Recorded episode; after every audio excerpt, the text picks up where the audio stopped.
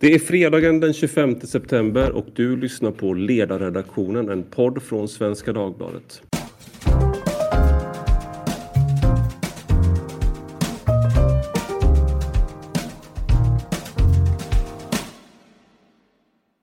Jag heter Ivar Arpi och idag pratar vi som så många gånger innan om gängvåld, kriminalitet och problemen som Sverige står inför. Och med mig för att prata om detta har jag idag Lasse Wierup som är kriminalreporter på Dagens Nyheter. Välkommen! Tack så mycket! Och du har skrivit en ny bok som heter Gangsterparadiset och den kommer väldigt lägligt får man väl ändå säga, även om den hade kommit väldigt lägligt om den kom för ett år sedan också. Eller för två år sedan för den delen. Men nu är det otroligt lägligt att den kommer. Eh, och jag tänkte på, jag tänkte skulle börja bara med, för jag läste ganska nyligen en äldre bok som du skrivit, för du har även skrivit en, en bok som heter eh, du har skrivit flera böcker, men du har skrivit en bok som heter Svensk maffia som kom 2007. Eh, och, men jag tänkte på en annan bok som du, som du skrivit som heter Helvetet inifrån som handlar om etableringen av Hells Angels i, i Sverige och om, särskilt om en avhoppare som du, du och din medförfattare intervjuar. Och jag tänkte på en episod i den här boken som, som sticker ut väldigt mycket. Det är förstås väldigt brutalt i bitvis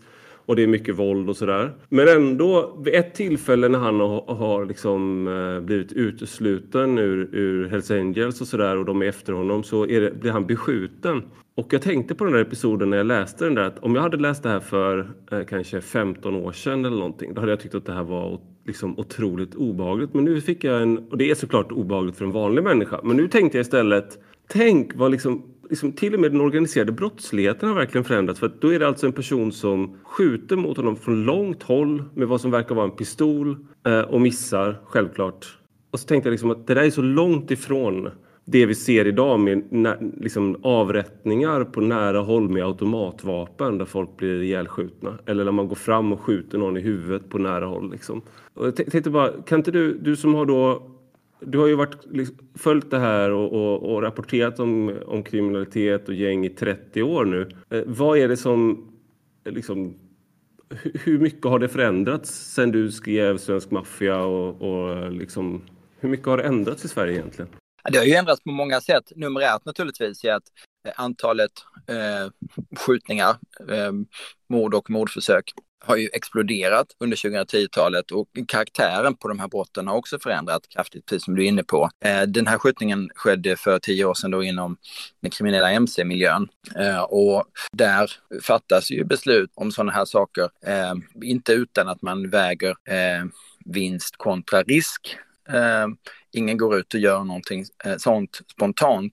Och det är klart att det påverkar karaktären Eh, eftersom det där aldrig klarades upp i Göteborg när eh, Micke, som den här utslängda hälsningsledaren hette, eh, utsattes för, eh, så vet vi inte riktigt motivet, men man kan väl säga att det stämmer ganska bra in på den bilden som eh, gäller det våldet inom den miljön. Att, eh, skulle, han, skulle gärningsmannen gå fram på närmare håll, Ehm, röja sig, nu kan man tänka sig att han istället hade, eh, höll sig gömd på något sätt, eller kanske risken skulle varit större.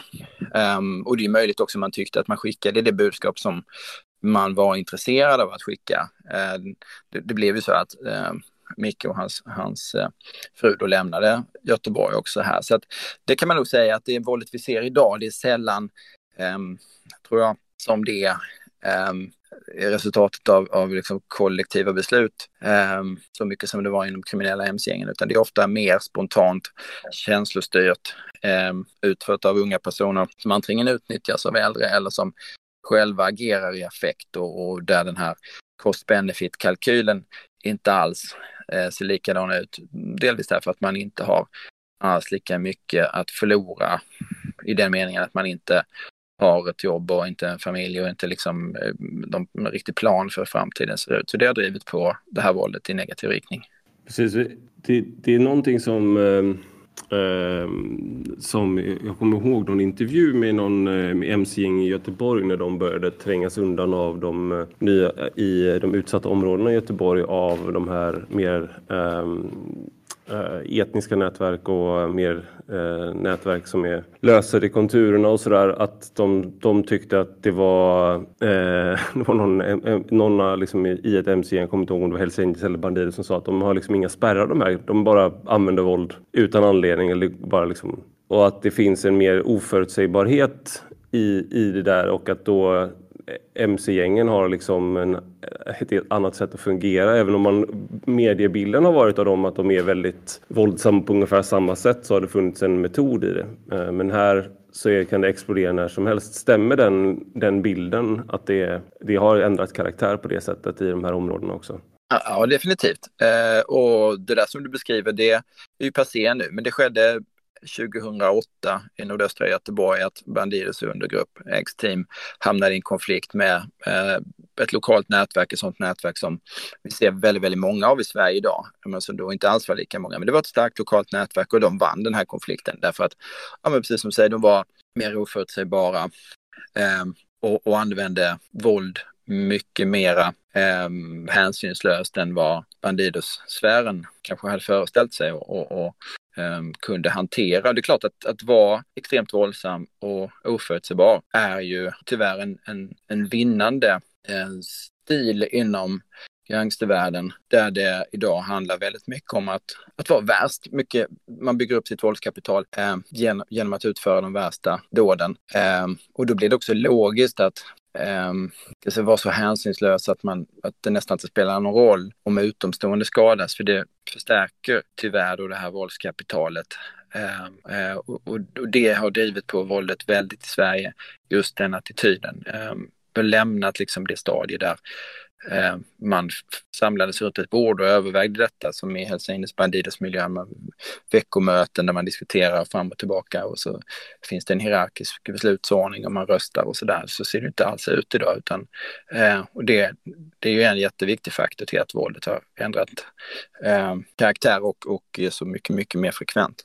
Det här, det här man pratar man ju om att man har en prokriminella värderingar skriver du om. Det finns ju eh, Fredrik Kärrholm som var här i, podden för ett tag sedan, eh, polis och, och sådär. Han har skrivit en bok om det. Det finns en, eh, det har att göra med värderingar också. Man helt enkelt, man och då, och då blir det ju nästan som en, eh, ja, men en kultur där man, Eh, även om det är en subkultur, där man har då, man behöver inte fatta massa beslut om de här sakerna för att det sitter i ryggmärgen på något sätt. De här värderingarna. Ja, ja visst. Ja, just det. Prokriminella värderingar, det är socialtjänstens och frivårdens sätt att uttrycka eh, det faktum att eh, en, en ung man, som det ofta handlar om då när de gör sina utredningar, eh, är, är supermotiverad att eh, leva som en gangster och vara framgångsrik som en gangster. Eh, och det, om man jämför med traditionella brottsgrupperingar så såg man nog sig själv mer som en, eh, ja vad ska man säga, Hells Angels betyder ju liksom änglarna i helvetet. Man var de rättrådiga i, i en orättvis eh, värld. Eh, där, man, där man absolut inte skulle kalla sig själv för, för gangster, utan tvärtom väldigt mån hela tiden om att upprätthålla bilden av att man var en, bara en, en mc-åkare och som i och för sig gick sin egen väg och inte ville delta i majoritetssamhället och sådär. Men, men det är också det eh, typiska för den här tiden då, för det som har hänt kanske senaste fyra, fem åren, att idealet är så utpräglat, uttalat att man är en gangster, allting handlar om det, man, man, allting hur man uttrycker sig, hur man kommunicerar på sociala medier, Snapchat, Instagram och allt sånt här. Att man, man, man är en, en hänsynslös gangster och lojal mot inga andra än, än sina bröder. Uh, och, och det gör ju såklart också att alla de här individuella spärrarna som människor kan ha när det gäller att ta till våld um, försvinner. Därför att bröderna säger att du gör rätt fast att du enligt alla andra gör fel. Det liknar ju, nu har vi ju fått, det har gått inflation i det här hur vi pratar om klaner. Först pratade ingen om det och sen så nu, prat, nu är allting en klan. Men det finns ju en, man kan ju prata om det som en kriminell klan kanske. Man kan jämföra det som i det att man har liksom moral. Det finns så att säga, moralen gäller den egna gruppen och utanför gruppen så eh, gäller krig. Liksom. Då är det allas krig mot alla på något sätt. Mm. Jag tänkte på, du, du citerar eh, åklagare Thomas Ahlstrand som skrev på Göteborgs-Postens debattsida eh, i slutet av 2016 och han skrev så här. De gängkrälar vi möter idag är inte unga män som varit chanslösa i livet. De har inte kommit snett. De har inget missbruk. De delar helt enkelt inte våra normer och de har absolut ingen lojalitet eller ens vilja till lojalitet gentemot samhället. Eh, och det där tyckte jag var intressant också när man läser, som du ser mot slutet av boken, men då har man ju läst, när man läst boken så är det ju väldigt mycket eh, just det här att vi har en... Eh, du tar upp det här att vi sedan eh, Högsta domstolen som lutar sig mot en socialdemokratisk eh, regeringsproposition från slutet av 80-talet eh, som går ut på att man, om man kan så ska man eh, Eh, döma till skyddstillsyn istället för fängelse. Ehm, och att man då ska, så att man ska ge vård helt enkelt. Eh, och att det där återkommer hela tiden, till och med då när liksom ehm, de, de, de, den åtalade, den skyldige, själv säger att jag har ingen, ingen lust att bli, ändra någonting. Nej, jag, har, jag vill inte liksom, jag kommer inte ändra mig. Så kan det ändå vara så då att eh, och frivården eh, säger att nej, det här det är liksom, det är kört. Eh, vi kan inte göra mer.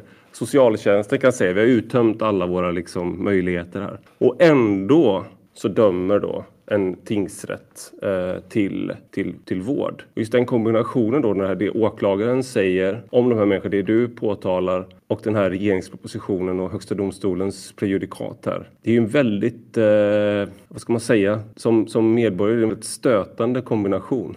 Ja, nej, det där visar ju att eh, vår, hela vår lagstiftning är dels eh, föråldrad. Den baseras på eh, utredningar och sånt som gjordes för många decennier sedan. Och det finns ju menar en del jurister naturligtvis ett själv eh, ett viktigt mål i sig där, att det inte sker för snabba förändringar.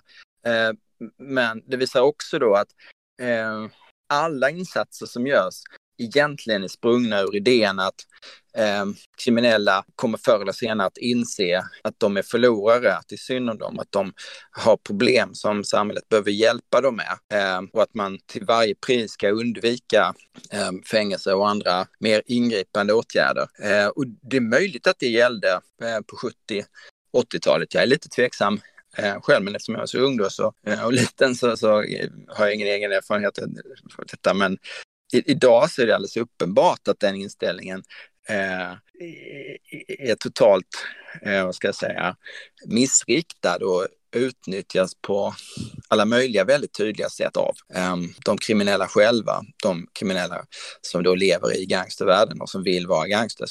Jag tycker det är en eh, det man tänker här är ju, är ju någonstans, jag, du, du, kopplar också med, alltså du tar upp med att man har, när, när efter, när, ter, när terror, terrorismen har liksom kommit upp på tapeten så har det organiserat, alltså, har uppmärksamheten för organiserad brottslighet och, och gäng och sånt där har då sjunkit. Eh, och det gäller ju särskilt sådana som mig då som sitter och skriver på ledarsidor och liknande och, och politiker och så att man måste följa med och sådär. Men, men samtidigt en, en, en likhet som jag kan se är ju när man pratar om avradikalisering och liknande av, eh, av till exempel dömda terrorister. Eh, och att det, man har, det finns en föreställning även där att man kan på något sätt eh, prata människor till rätta. Som att det är då en tanke om att, igen, att de är förvirrade, eh, de, de känner sig som, som eh, de har blivit dåligt behandlade eller någonting. Att det, man har psykologiserat dem på något sätt. Så att om vi bara liksom sätter oss ner och pratar med dem och hjälper dem så kommer de att ändra sig och bli goda demokrater ungefär. Det finns, det, nu överdriver jag men det finns en sån förhoppning någonstans. Och det verkar som att det gäller något liknande med eh, mer kriminella, i alla fall att vi har slagit över långt där i Sverige att man alltid tror att man, man kan liksom eh, hjälpa människor. Att, och det finns ju sådana begrepp då att, som han, Thomas Ahlstrand tog upp där, och att de har inte hamnat snett eller att man har hamnat på glid och lite sådana saker. Att man bara kan få in dem och då att vi... Nå, någonting som du, som du åter, återkommer till är ju att vi har en väldigt Eh, I Sverige har vi eh, väldigt fokus på sociala insatser, på välfärdspolitik. Att om vi bara liksom investerar mer så kommer vi få bort det här. Men du tar upp varför det inte liksom att det, det verkar inte fungera. Vad, kan du bara återge din argumentation för vad du menar, varför det inte uh, fungerar mot den här grova brottsligheten? Jo, nej, men det där är jätteintressant. Jag minns ett möte med Anders Ygeman hösten 2014 Eh, då han eh, var nytillträdd inrikesminister. Vi stod på en parkeringsplats i eh, Hagsätra, hans gamla hemkvarter och någon natt tidigare så hade ungdomar eldat ett 20-tal bilar där och nu var han där med polisen. Och jag följde honom som, som reporter.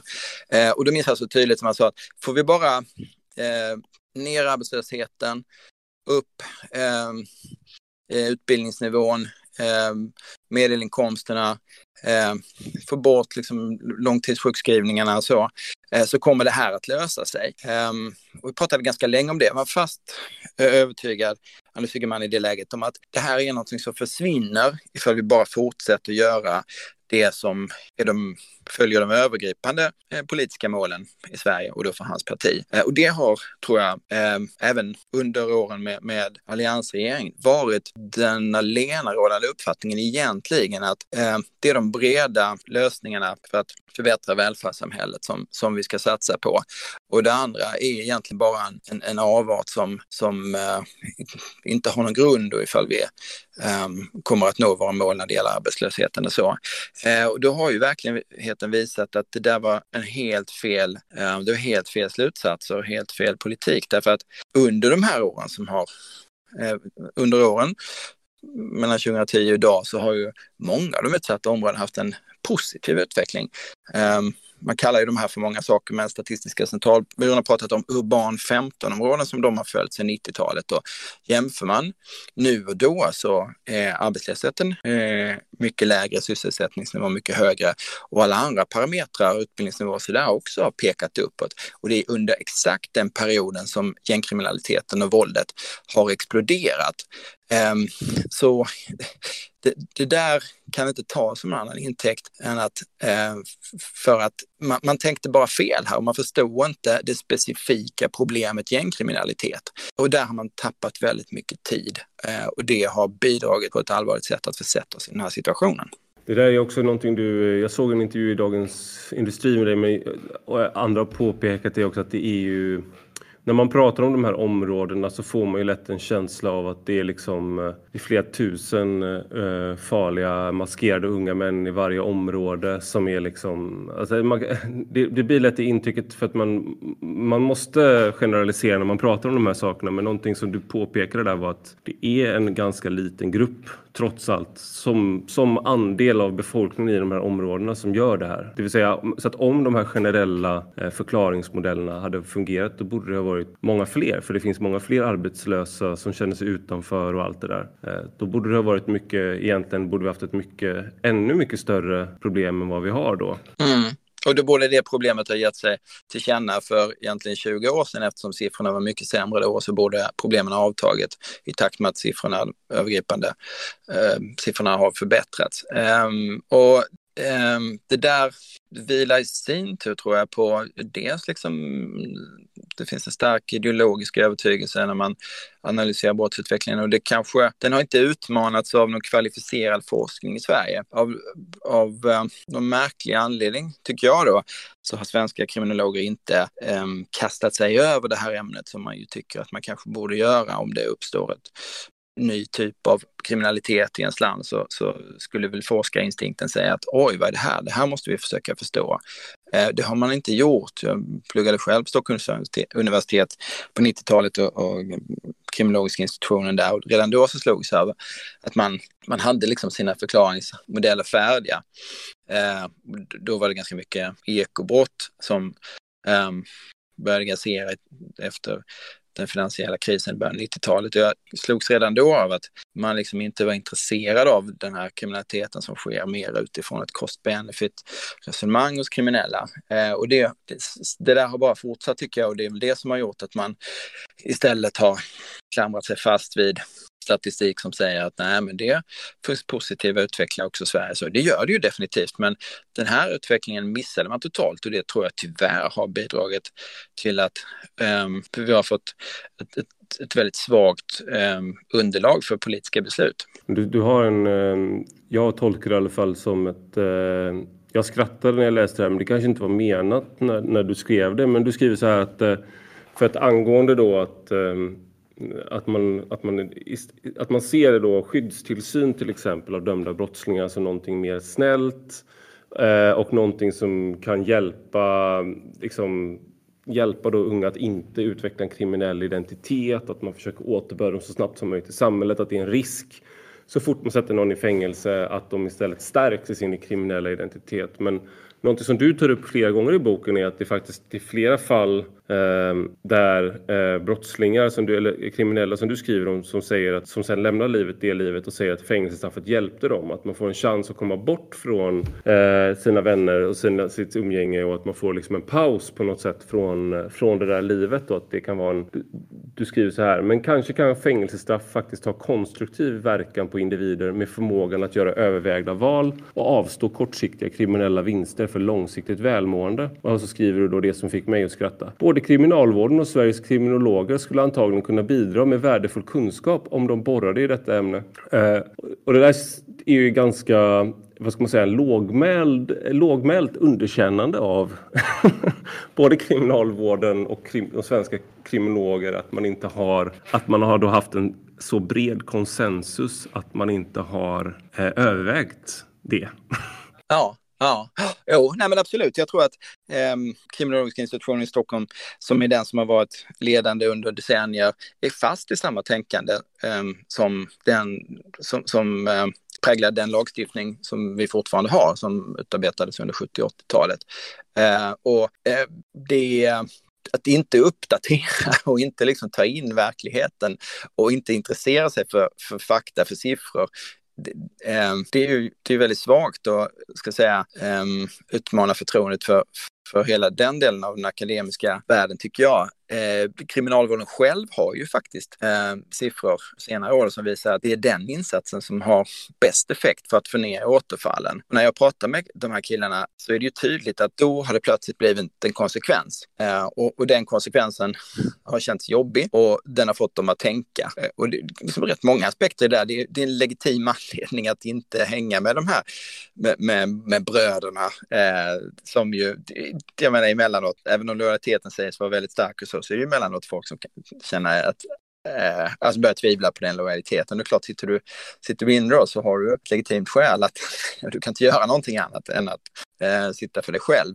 Eh, och dessutom träffar du personer eh, som har upplevt det där många gånger och som antagligen inte eh, kommer säga att det här är en vinnande stil, kör på den. Eh, det är ju en ung kille som jag intervjuar i, i Märstanätverket som säger det. Tre månader på fängelse räckte för hans del för att faktiskt styra om livet och komma tillbaka till, till plugget och till sin, till sin familj istället för den här kriminella eh, så jag ska säga umgänget som han hade haft. Så att det, eh, man har haft på något sätt en blind tro, eller kanske inte ens en tro, utan bara en ideologisk uppfattning om att fängelse är alltid dåligt, som inte alls är understöd av, av någon forskning. Eh, och, och, det är klart att om det kommer att styra politiska beslut eh, så, eh, så blir det inte bra. Jag tänker också någonting som där du pratar om att man har ideologiska uppfattningar och det, här finns det ju liksom det, det, någonting som är svårt ibland när man får frågor om sådana här saker. Varför, varför, är det så annorlunda i Sverige jämfört med,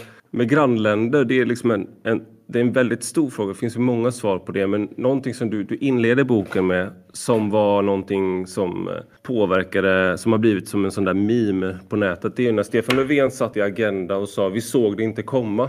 Och sen går du igenom att hur mycket information som har funnits och hur mycket vi har liksom, ja, men du själv har skrivit om det här i, i 30 år. Och det finns liksom, vi har vetat så mycket om det här. Folk har varnat för den här utvecklingen sedan tidigt 90-tal. Vi har haft partier som har liksom, eh, som har försökt att driva politik men det har inte eh, man har inte fått tillräckligt med gensvar. Eh, och sen tar du upp liksom som eh, att 2005 så var det en statlig utredning som eh, att krypterad dataöverföring riskerar att göra polisens telefonavlyssning verkningslös. Eh, och det var ju då april 20, i år som svensk polis fick använda, eh, kunde börja avlyssna Facetime, WhatsApp och signal och sådär. Eh, och samma då med kameraövervakning, att man har liksom, det var först nyligen som eh, eh, polisen började få eh, göra kameraövervakning. Och till och med där då, nu vet jag det eftersom jag höll själv på att skriva om det, att i den utredningen man tillsatte från regeringen så var man så otydlig i instruktionen att resultatet av utredningen skulle bli att det blev svårare för polisen att kameraövervaka. Eh, så då fick eh, Morgan Johansson kalla till presskonferens och säga att om de kommer fram till det, då, måste, då kommer vi tillsätta en ny utredning. Eh, men det här då, du skriver då någonting som jag tyckte var väldigt intressant här och det är ibland verkar det som om vissa folkvalda befarar att det just inom svensk, den svenska statsförvaltningen skulle vila latenta totalitära krafter som riskerar att slippa ut vid minsta anpassning av lagstiftningen till vad som gäller i andra EU-länder. Och det, det, tänkte jag när jag läste det att ja, men det, det, det är mitt intryck också. Eh, för, för, det kan ju inte ha varit, för det, det verkar ju som du visar liksom att vi såg det ju komma, men vi gjorde ingenting. Eller gjorde väldigt lite. Mm. Nej, vi har varit fantastiskt eh, ska jag säga, bra på att slå undan precis alla eh, signaler, slå dövörat till för alla de här larmklockorna som har, som har ringt. Sen måste jag väl säga att jag kanske har sysslat med det här 20-25 år. Eh, inte 30, men, men okej, okay. i slutet av 90-talet så, så började jag på allvar intressera mig för det här fältet. Men eh, det, man kan väl säga att ehm, vi har ändå eh, här, ska säga, drivet av den här uppfattningen att försöka, vi ska skapa det perfekta samhället. Bara skolorna får mycket, mycket mer pengar, bara socialtjänsten får mycket, mycket mer pengar och så, så kommer allting att lösa sig. Eh, och där måste man nog bara inse att man, i andra länder föreställer jag mig att man, man är mer krass. Eh, man, man inser att ungdomskriminalitet kommer alltid finnas naturligtvis. Eh, det kommer alltid vara en viss utslagning eh, socialt och så.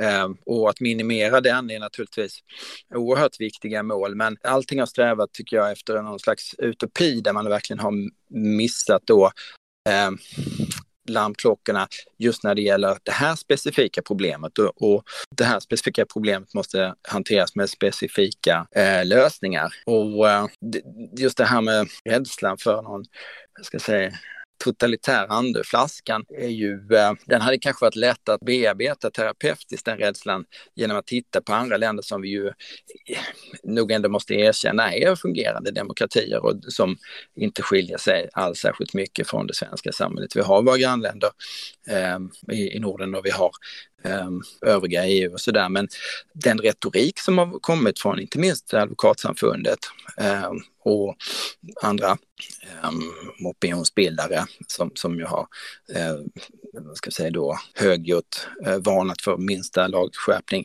Den har ju varit att vi kommer få ett McCarthy-samhälle, vi kommer få en DDR-stat. Det här kommer bli som i, i diktaturer och då pratar vi om åtgärder som till exempel Danmark har infört och som vi sen faktiskt då tio år senare eh, också har implementerat och det blev ju inte så. Det blev ju inte eh, DDR bara för att vi gjorde vissa saker. Så det här med övervakning och kameraövervakning har ju också varit en sån sak. Men det har varit eh, Advokatsamfundet och Ramberg har haft väldigt lätt för att vinna gehör i den här, skulle jag säga, eh, väldigt eh, långtgående um, problembeskrivningen av eh, då demokratiskt beslutade åtgärder som andra länder kan hantera på ett utmärkt sätt och med goda resultat.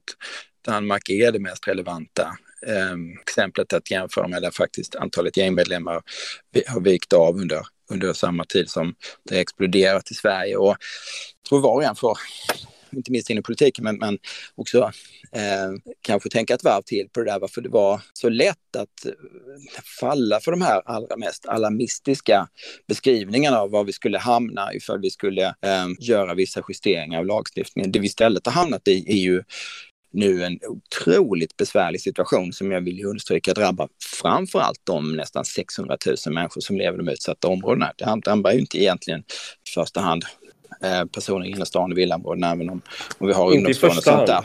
Nej, vi har ungdomsgående så naturligtvis, men skjutningarna och liksom den här eh, förlamningen, den sker ju trots allt eh, i miljonprogrammen.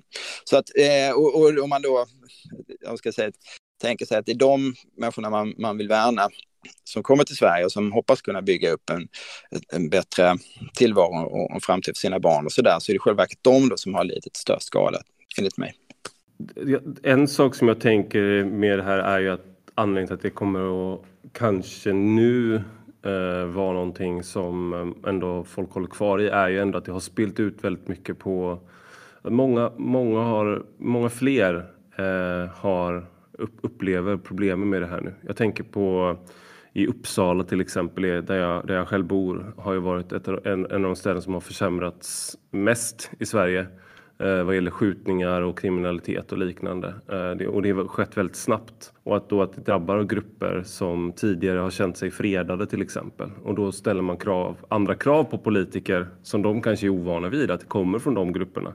Så det, om man ska tänka någonting, eh, vad ska man säga, någonting positivt i det mörka så är det väl, är det, väl det kanske. Men, men jag tänker på ehm, just det här med att man, ehm, vi, vi är liksom så, så långsamma med de här åtgärderna och att man, att man vägrar lära av eh, liksom Danmark till exempel. Det har ju även gällt Ehm, på vad, vad heter det, terrorområdet och även där så har det också varit advokatsamfundet många gånger som har, och där, nu, nu kanske jag blir för politisk för dig som journalist här, men när det gäller terrorlagstiftningen så skrev jag 2014 och 2015 om att man borde eh, titta på kriminalisering av samröre med terrororganisationer i och med IS, att vi hade många svenska IS resenärer som det heter. Eh, och då blev ju eh, Advokatsamfundet tyckte att det där var eh, liksom, Ann Ramberg blev väldigt arg och skrev väldigt upprört om att det var liksom farligt och populistiskt och rättsosäkert och, och allt sånt där. Då. Och då blev ju hon retweetad av, och liksom, då blev hennes texter blev spridda av Morgan Johansson och Anders Ygeman. Sen kom terrordådet på Drottninggatan. Och då plötsligt så inför man de här sakerna. Och det, det jag föreslog var ju att man kollade, skulle kolla just på norsk lagstiftning framför allt eh, i de här frågorna. Men då blev det också så att de som kom tillbaka till Sverige, nu är det inte, det här låter som att jag själv eh, håsar mig själv, men det här är anledningen till att jag tar upp mig själv som exempel är att jag har bra koll på hur det är ordningsföljden här. Eh, och då, att, då kom de här förslagen, men då kunde vi inte döma de som kom tillbaka från Syrien och Irak. För att då hade vi inte, för man kunde inte använda lagstiftningen retroaktivt, men hade vi haft den på plats så hade vi kunnat göra det. Eh, och det här är något som återkommer med Advokatsamfundet hela tiden, så man får liksom en känsla av, och samma nu då var det Eh, Paulina Brandberg som är åklagare och Eh, eh, arbetar mot internationell brottslighet och organiserad brottslighet. Eh, hon har ju argumenterat för att den här eh, eh omedelbarhetsprincipen som det kallas, eh, om att man Det som har att göra med att de tidiga förhör ska bli liksom ogiltiga i princip. Att, att brottslingar tjänar på att inte samarbeta med polisen utan de väntar tills de får utredningen, det informationen och så tillrättalägger de sina berättelser. När hon har kritiserat den, då har det just varit advokater som säger att det där blir rättsosäkert och det där är liksom, då rättsstat, vi offrar, offrar rättsstaten och liknande. Mm. Det återkommer hela tiden just Advokatsamfundet och högprofilerade advokater som är, mm. som jag uppfattar nu kanske jag är för hård här, men jag uppfattar det som att de hela tiden håller emot vad gäller alla insatser eh, som faktiskt kan ha en effekt. Mm, jo, nej men det där är talande och det är lite ett exempel på det som jag försökte sätta fingret på tidigare också, eh, den här alarmistiska retoriken. Och då ska man komma ihåg att det här med deltagande i terrororganisation och för den delen eh, en kriminell organisation, det följer ju ett EU-direktiv från tidigt 2000-tal. Eh, så att det här är ju någonting som alla andra länder i EU i princip eh, som vi ju tycker är okej, okay, vi vill vara med i EU, vi Eh, ser oss som en del av den europeiska gemenskapen. Men just när det gäller sådana här frågor så har vi då en starkt har vi haft en starkt avvikande hållning och eh, lite kunskapsfientligt av någon anledning inte tittat ut över landets gränser, inte ens bemödat sig om att ta reda på hur det ser ut faktiskt i EU, vad direktiven säger. Eh, och det har ju bidragit då till att man har kunnat komma undan med att måla upp det här som någonting, en del av en totalitär utveckling, när det i själva verket är så att den gemenskap vi är en del av eh, liksom, under lång, lång tid har eh, uppmanat att det är så här eh, medlemsländerna måste göra. Ehm, eh, och svängningen är ju intressant. Nu kom den när det gäller terrorfrågan. Plötsligt så är, kan vi ha en lagstiftning som, som säger att samröre ska vara kriminaliserat.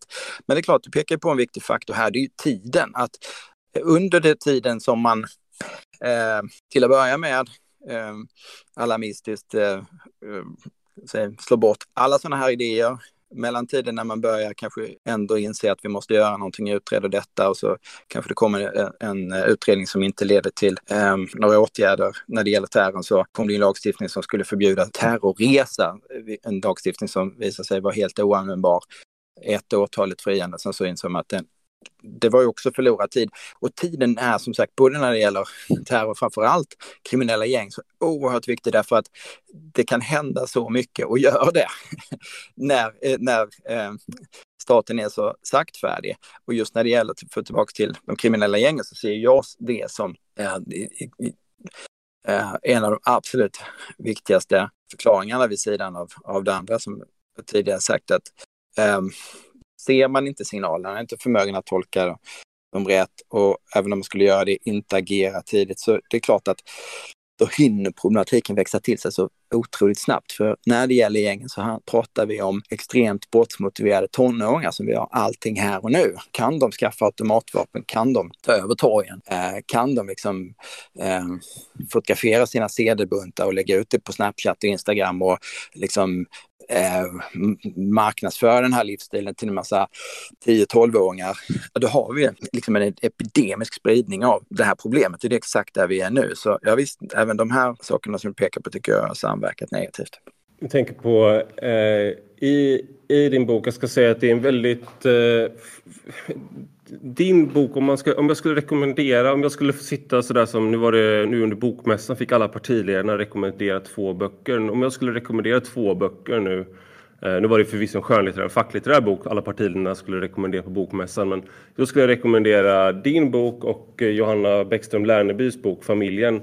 Eh, just för att man får, till skillnad från mycket av vår eh, liksom, politiska debatt och sånt där så får man också en, eh, som vi inte gjort nu, men som du gör i din bok, att du får inblick i detaljer om hur det faktiskt går till när du bygger upp ett nätverk. Hur du, hur du som liksom eh, eh hur en sån organisation växer fram eller om man nu vill kalla det organisation eller ett nätverk växer fram, vilka kontakter de har med varandra.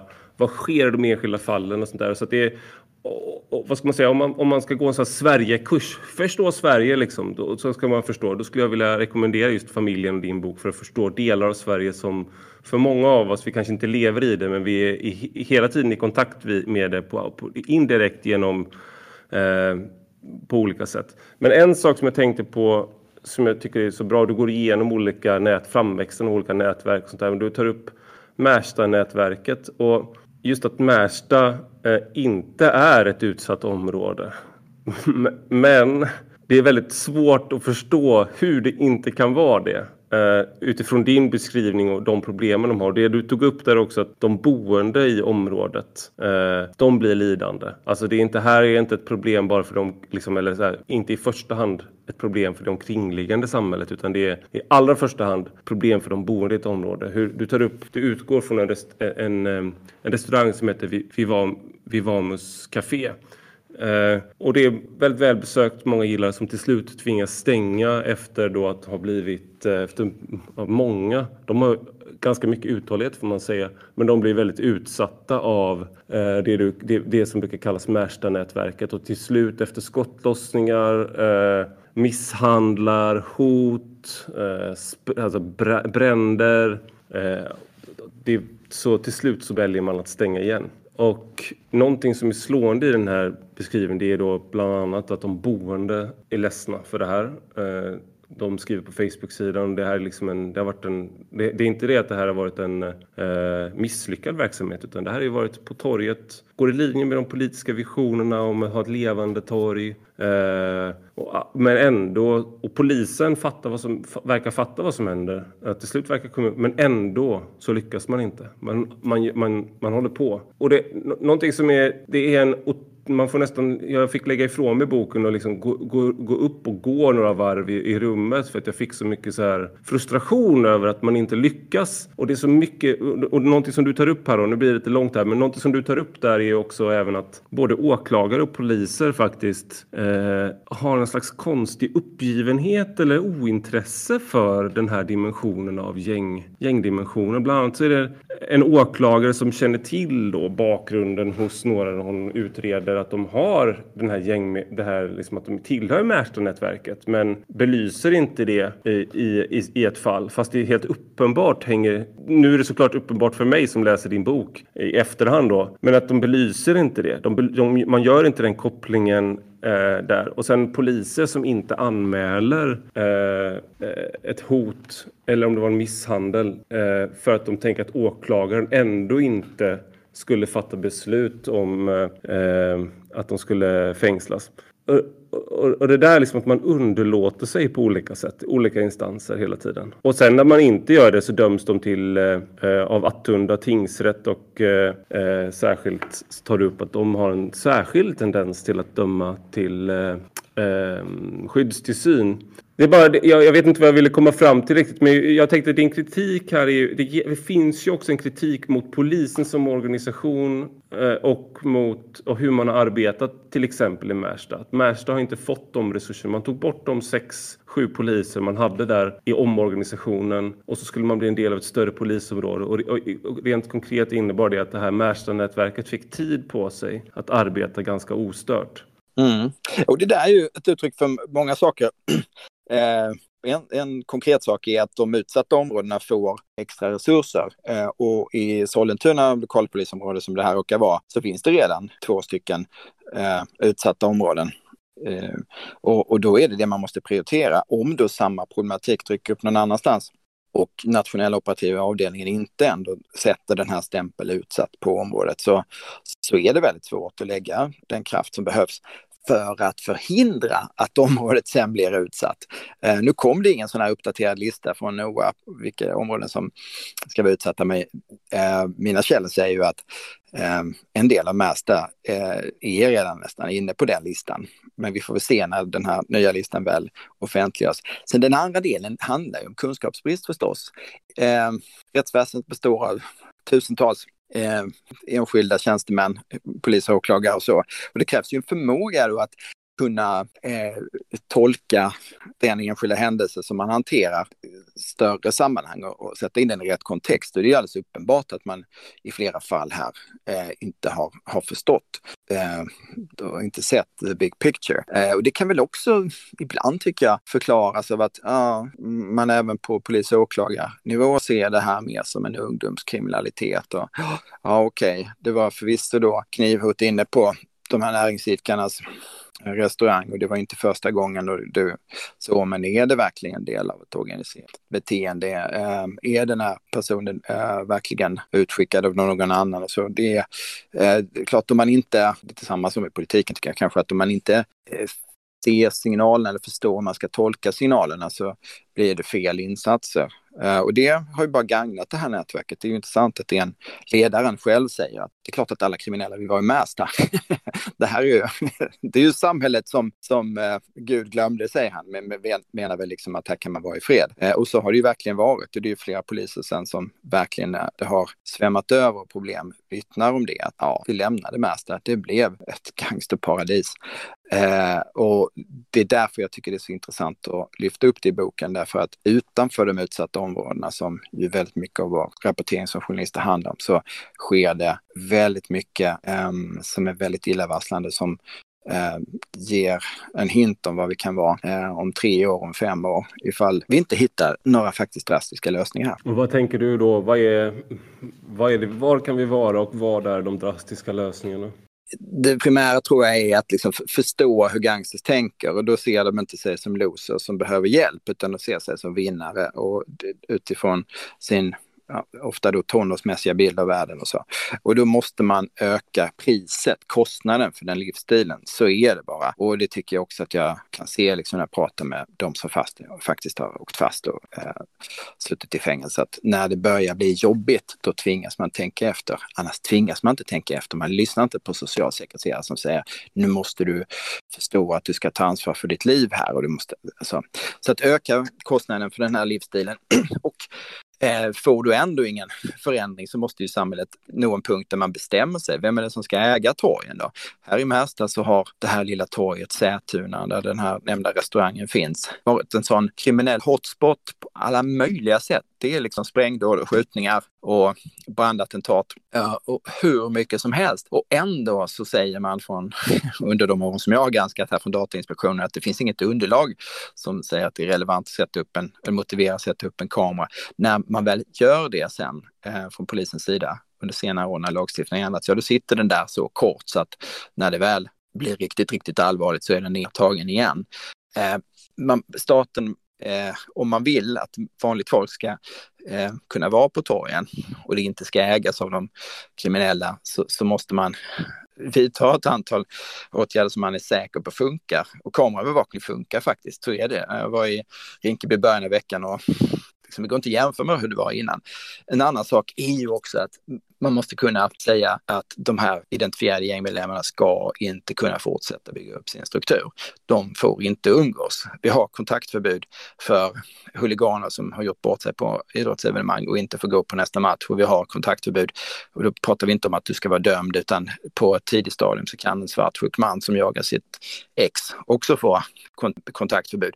Jag, jag, jag, tror att man skulle kunna hitta en väg att säga att ni är med i det här gänget, ni får inte umgås på det här sättet, ni får inte vara på den här platsen. Den här platsen ägs av eh, det stora flertalet. Eh, och en hel del av de här personerna är redan över, föremål för elektronisk övervakning genom fotboja. Det är klart att det är ett, eh, ett sätt att se till att man, att man följer ett sådant förbud. Eh, och det är klart också att ja, om du bryter mot detta så blir det väldigt kännbart. Där är Danmark och där är en del andra länder och jag tror att eh, i det här valet om vi ska eh, skydda det stora flertalet som i många fall redan har nog med problem i sina liv med att försöka komma in i det ganska svårtillgängliga samhället Sverige. Eh, är det de vi ska tänka på eller, eller ska vi äh, fortsätta låta de här unga killarna med gangsterambitioner ehm, kunna liksom existera på sina egna villkor.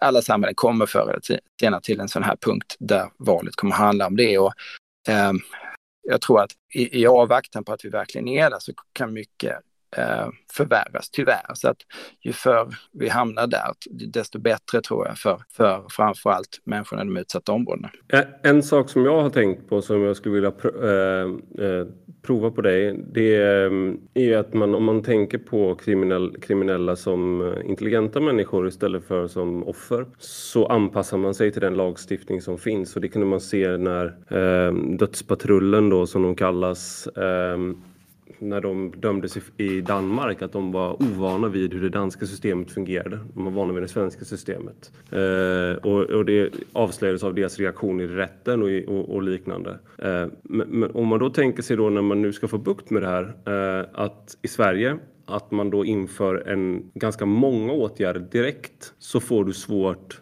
som kriminell att eh, anpassa dig. Och det här går ju rakt emot då vad ska man säga, en, eh, som jag uppfattar en tanke om att du börjar någonstans se vad som ger effekt. Men istället om man, om man inför en rad åtgärder på ett bräde skulle, man inte kunna ha, eh, kunna ha, skulle inte det kunna ha en chockeffekt på att man inte hinner ställa om verksamheten till eh, de, de, liksom de åtgärder som införs? Det är en tanke jag har. Mm. Ja, det är möjligt. Eh, om det då bidrar till att på olika sätt öka kostnaderna för gangsterlivet så tror jag absolut att det eh, skulle förändra eh, läget till, till det positiva, absolut. Eh, och eh, det tycker jag nog att man redan kan se eh, efter att man sprängde det här Encrochat, mobiltjänsten Encrochat i våras, sin stora operation i Um, så säger ju källor som jag har att um, man sitter inte och diskuterar uh, beställningar av mord eller stora narkotikaaffärer eller vem som kan spränga var och sådär öppet på det sättet man gjorde. Uh, där blev det en chockeffekt. Uh,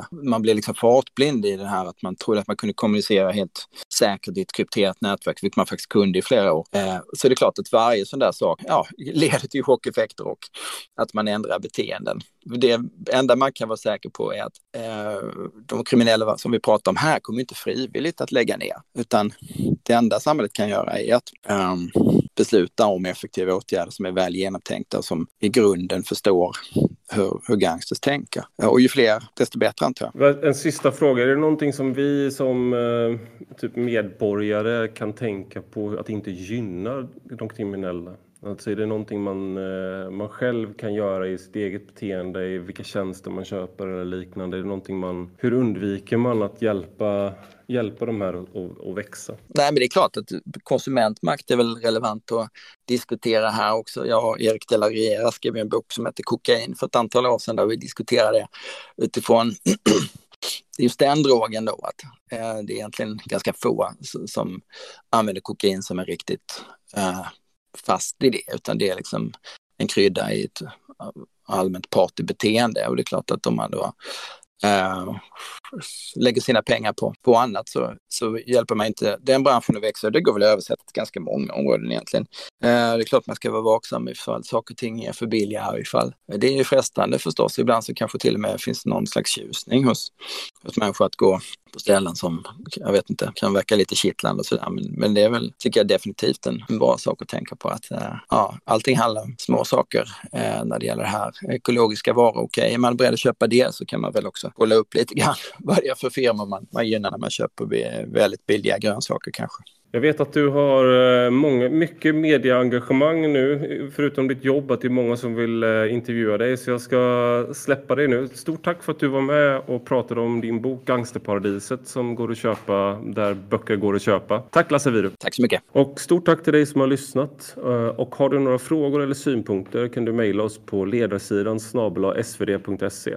Tack och hej!